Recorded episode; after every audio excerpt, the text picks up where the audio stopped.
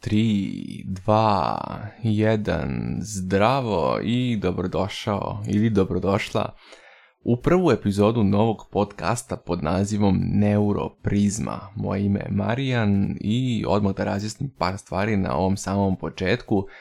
Obraćat ću vam se sa ti, od sada pa nadalje, nadam se da nikome to neće smetati, iako će možda biti stariji slušalac od mene. I također obraćat ću se u muškom rodu jer je svako od vas slušalac, Dakle, taj slušalac, mislim ne tako bolje nego da se obraćam u množini i da menjam svaki e, svaku reč po muškom i ženskom rodu.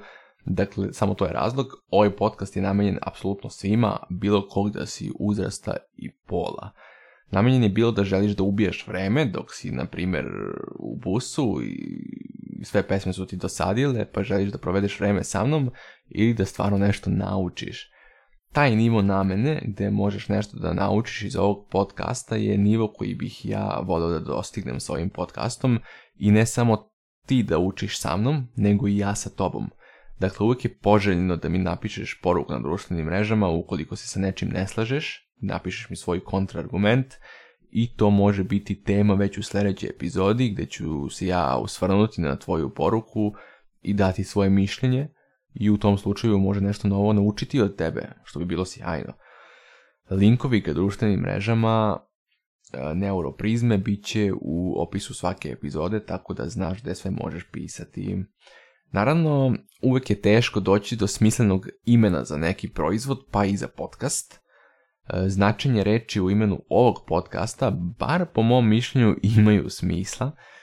Neuro je zato što ću zajedno sa svim ostalim ljudima koji budu učestvovali u ovom podcastu pričati o nekim psihološkim temama e, na nekom malo dubljem nivou nego što se može inače čuti da neko priča i stavove ćemo izražavati kroz tu neku našu prizmu pogleda na te teme.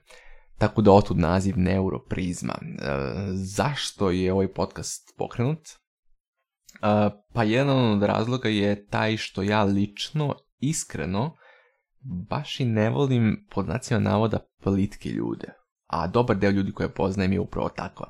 Plitki ljudi su po mom mišljenju oni koji ne provode dovoljno vremena razmišljajući o mnogim stvarima, već se mahom vode emocijama pri donošenju odluka i to dovodi do toga da generalno dosta greše.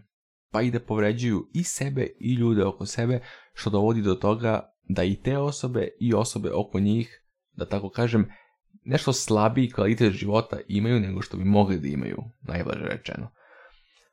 E, sa druge strane, fasciniran sam inteligentnim osobama, odnosno osobama koje razumeju razne stvari na mnogo dubljem nivou i volim da učim od njih. Tako da, znajući sve to, kroz ovaj podcast želim da postignem dve stvari. Prva stvar je da utičem na tebe u pozitivnom smislu, tako što ću te podsticati da razmišljaš i eventualno te naučiti o nečemu, a druga stvar koju želim je da te, da te ohrabrim da mi pišeš, jer sam svestan koliko stvari ja još ne znam i želeo bih da zaista naučim nešto o tebe. Eto, to je za početak sve što sam teo da kažem i sada bih volio da stvarno započnem sa prvom epizodom. Već imam u glavi mnoge teme o kojima bih volio da pričam i iznesem svoje mišljenje, ali evo izabrao sam da u prvoj epizodi pričam o tome zašto je zaista bitno postaviti ciljeve u životu. Ključna reč u tom pitanju zašto je zaista bitno postaviti ciljeve u životu je reč zaista. Ti sigurno znaš teoretski zašto je bitno imati cilj. Neki generalni, neki generalni odgovor je da bismo nešto postigli ili da bismo bili uspešni jer postizanje uspeha donosi financijske dobitke, tako da onda možemo i da staramo svoje svojoj porodici. I ti odgovori su tačni, ali su malo pod znacima navoda plitki. Postavljanje ciljeva u životu je mnogo bitnije nego što mnogi ljudi misle. Zapravo je usko povezano sa pronalaženjem smisla u svom životu. I sada ću da probam da objasnim to sve i krenut ću postepeno. Kada si postavio cilj u životu, ti tada svesno ili nesvesno definišeš i korake kojima možeš dostići taj cilj. Potom praviš taj prvi korak, pa drugi, pa treći, dakle krenuo si da se krećeš pod život, kroz život, po znacima navoda.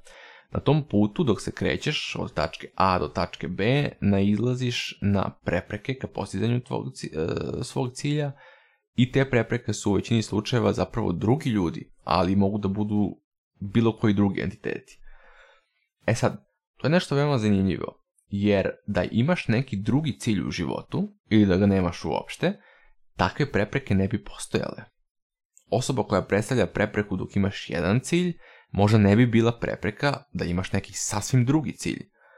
Na osnovu toga može se zaključiti da kada se usresredimo na neki cilj, mi zapravo transformišemo sve oko nas. I to ga transformišemo tako da sve stvari upadaju u neku od sljedeće tri kategorije. A ne zaboravite kad kažem stvari, maho mislim i na ljude. Dakle, svi ljudi i stvari upadaju u jednu od sljedeće tri kategorije onda kada postavimo cilj.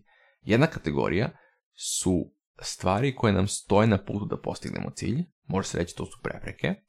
Jasno je da prepreke ne volimo. To su prepreke u obliku nekih ljudi, ali i zakona, neke kompanije i tako dalje. Druga kategorija su stvari i ljudi koji nam mogu pomoći da dostignemo, da dostignemo cilj. I to je ono sa čime volimo da imamo kontakt. Naprimjer, želiš da budeš poznat i upravo si se slučajno sprijateljio sa nekom mega zvezdom koja te je pozvala na svoj show gdje će biti mnoge druge mega zvezde. Jasno je kako se dobro osjećaš u tom momentu. Treća kategorija su nebitne stvari. Najviše treba da imaš nebitnih stvari jer stvarno toliko puno stvari postoji na ovom svetu. Naprimjer, da ne pratiš javnu scenu i nemaš želju da postaneš poznat, ti u situaciji kada možeš da se sprijateljiš sa, sa mega zvezdom, to možda ne bi uradio, ne bi prepoznao tu osobu i samo bi nastavio sa svojim životom jureći neki svoj drugi cilj. Dakle, u, u ovom primjeru, ta mega zvezda je zbog tog drugog cilja koji imaš, prosto svrstana u tu treću kategoriju nebitnih stvari. Dakle, u situaciji kad imaš svoj cilj, većina stvari su nebitne, tek poneka stvari je bitna, jer ona ti pomože da dostigneš svoj cilj, i neke stvari su prepreke ili su prosto loše. Ti želiš da izbjegneš te loše stvari i prepreke, posebno ako ne možeš da se nosiš sa njima ili možeš da pokušaš da se nosiš sa njima, ali verovatno je slučaj da će izgledati kao da konstantno udaraš u zid i da se ne krećeš nigde, ili bi se kretao vrlo sporo ka svom cilju. E sada, šta se dešava kada imaš interakciju sa stvarima koje spadaju u kategoriju dobrih stvari? Zapravo to je zanimljivo, e, jer tada aktivira se dopaminski sistem u mozgu. Isti onaj koji biva aktiviran kada se uzimaju određene droge, kao što je, na primjer, kokain. Taj dopaminski sistem se aktivira i kreira pozitivnu emociju kao posljedicu toga što si u interakciji sa stvarima iz dobre kategorije, odnosno sa stvarima koje te mogu drastično približiti postizanju svog cilja. To je jako bitno znati zato što ljudi generalno misle da su sređeni kada postignu cilj, a to nije tačno. Jer uvek kada dostigneš cilj imaš problem. Šta je sljedeći cilj? To je zapravo veliki problem. Evo primjera za to kojeg sam čuo jednom prilikom. E, zamisli dan kada je neka osoba diplomirala na fakultetu. Tog dana ta osoba postiže jedan ozbiljan višegodišnji cilj. Mm, tog dana osoba je na vrhu hjerarhije tog univerziteta. Svi ostali studenti su niže godine i imaju još mnogo ispita do kraja. Međutim, sljedećeg dana realnost je sasvim drugačija. Naša osoba je nezaposlena, potencijalno će dobiti posao u meku ili trafici ili ako ima sreće u struci, ali za neku minimalnu juniorsku platu. Tako da samo postizanje cilja redko može da znači da će služiti kao izvor sreće, jer nešto je gotovo i onda imaš problem. Koja nova stvar će biti cilj? I kako sada transformisati svet oko sebe na neki novi način u odnosu na taj novi cilj? Međutim, kada se susrećeš sa stvarima iz kategorije dobrih stvari, dok ideš ka svom cilju, znaš da je to sjajno. Uzbuđen si, motivisan. Ovo je inače koncept iz budizma, meni je vrlo eh, interesantan jer mislim da su u pravu. Jer kažu da kad imaš cilj koji god daje, taj cilj daje cijelom svetu bitnost, odnosno relevantnost. I ti vrlo lagano možeš da promeniš bitnost sveta samo tako što ćeš promeniti cilj. Prosto možeš da uradiš.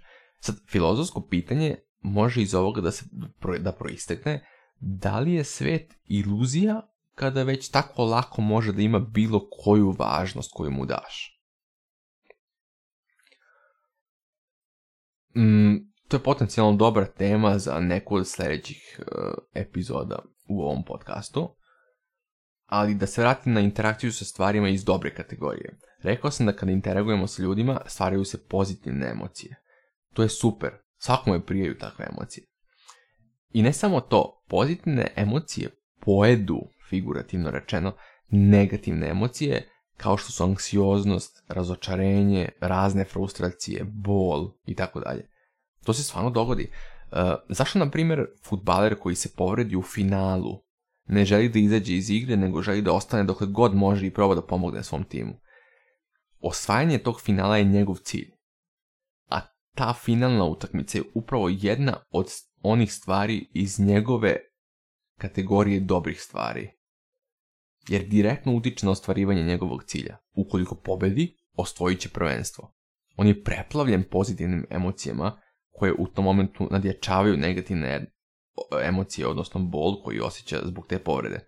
Posebno su te, e, posebno su te pozitivne emocije ispoljene ukoliko oni vode u tom e, finalu u koji imaju rezultat koji im donosi titulu. Međutim, za nekog drugog koji posmatra tu situaciju iz, i ko, koje generalno futbal ne interesuje, može cinično da kaže kako je glup, povredio se i svakim korakom čini tu povredu još gorom, ja da sam na njegovom mestu bio bih pametniji i prosto bih rekao da me boli svom treneru i izašao bih sa utakmice. Slične stvari verujem da je svako čuo u mnogim drugim situacijama. Na primjer, kad neko kaže,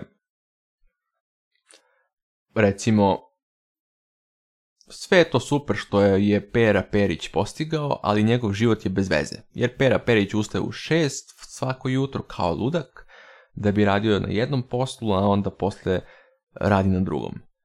Međutim, osoba koja tako nešto kaže, očigledno ne razume ovo o čemu ja sada pričam. Ne razume da Pera ima cilj koji je eksplicitno zacrtao i da ustajanje u šest ne samo da nije problem za njega, nego je to jedna od stvari koje spadaju u dobru kategoriju za Peru. Samim tim Pera često biva nagrađen pozitivnim emocijama, posebno ako je zaista posvećen tome što radi i ako mu ide dobro. U stvari u ovom primjeru se krije jedna caka. Što je veći cilj i teže ga je dostići, jače su pozitivne emocije kojima bivamo nagrađeni. Ali naravno svako može da se pita, a što bih ja to sve radio? Zašto uopšte da postavljam visoke ciljeve kad je to sve teško i kad mi se uopšte ne čini da je cijela ova priča sa pozitivnim emocijama kao nagradom uopšte ima smisla? Odgovor je jednostavan, vredno je toga. Vredno je postaviti visok cilj i raditi na tome da ga dostignemo. I ne samo to, jedina alternativa koju svako ima je patnja. To je veoma bitno znati. Ako nemaš izazovan cilj, onda patiš. Patnja je defaultno stanje i za nju ti ne treba ništa. Razlog za to je taj što je život veoma kompleksan, kratak, ograničen, pun patnje i van tvoje kontrole. I ti uvijek možeš da ležiš, ne radiš ništa i razmišljaš upravo o tome i patiš zbog tog saznanja. Mene je lično veoma tužno kad mi neko kaže život nema svrhu, beznačajan je. Jer nije beznačajan. Da jeste beznačajan, ti bi mogao da ležiš ceo dan i ništa ne radiš i to bi bilo ok, ne bi imalo nikakvo značenje. Ali svako to može da proba na duži vremenski period, da leži i da ne radi ništa, i jedino što će se desiti svakome i da će patnja da bude sve veća i veća.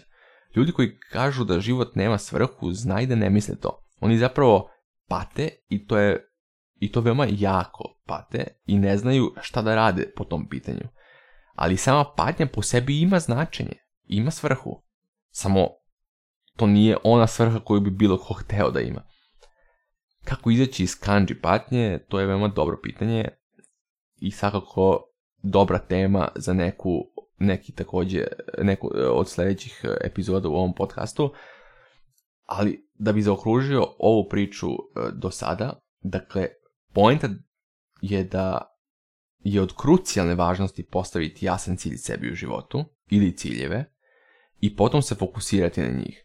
Taj fokus oblikuje svet oko nas, pomaže nam da uočimo prepreke i da ih ćemo, ali nam i pomaže da uočimo osobe ili stvari koje nam mogu pomoći da dostignemo taj cilj. Kada smo u interakciji s takvim osobama ili stvarima, to je trenutak kada smo zaista srećni i kada život ima smisao. Hvala na slušanju, ovo je bila prva epizoda novog podcasta Neuropra, Neuroprizma. Čujemo se sutra. Pozdrav!